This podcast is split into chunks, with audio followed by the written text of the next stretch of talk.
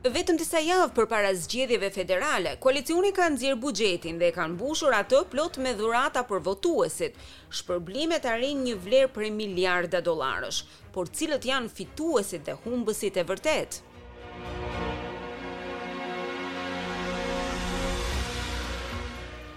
Kohët e fundit janë rritur çmimet e benzinës, por sipas qeverisë, nuk ka nevojë që të braktisni çelësat sepse qeveria do të sjellë lehtësime. Akciza e karburantit prej dyzet e katër cent për litër tashmë është përgjysmuar. Megjithatë, reduktimi nuk do të shihet menjëherë nëpër pikat e karburantit. Mendohet që lehtësimet të shihen për rreth dy javë. ndoshta dhe më vonë në zonat rajonale. Por masa e marrë është e përkohshme sepse kjo mbështetje e qeverisë do të mbarojë në muajin shtator.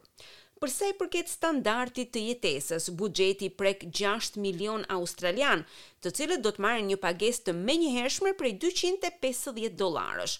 Për dhjetë milionë australianë të tjerë me të ardhura të ulëta dhe të mesme, do të vijë një shumë prej nxitjeje financiare prej disa qindra dollarësh. Sipas skemës së kompensimit të taksave, këta persona deri tani kanë përfituar në një mijë e tetëdhjetë dollarë, por kjo shumë do të rritet me katërqind e njëzet dollarë, duke shkuar deri në një mijë e pesëqind. Skema pritet që të përfundojë këtë vit. Për të rinjtë ka dy përfitime, një program trajnimi dhe një skemë të blerjes së shtëpisë së parë.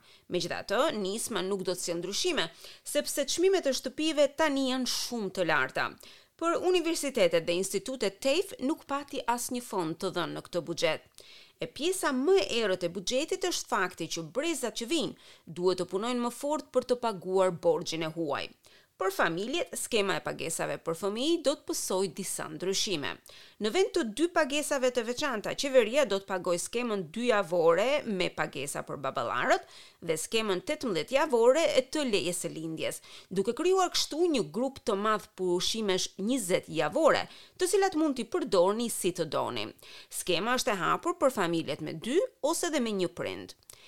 Qeveria thotë se dy mijë e dyqind familje do të kenë përfitime nga kjo skemë, e cila për herë të parë do të kalojë me një kosto prej treqind e dyzet e pesë milionë dollarësh. Ndryshimet do të hyjnë në fuqi në marsin e vitit të ardhshëm. Por me gjithë këto shpenzime, natyrisht do të ketë edhe shkurtime. Kjo sepse buxheti ka një vrimë të zezë prej tre miliardë dollarësh, të cilat mesa duket nuk janë llogaritur.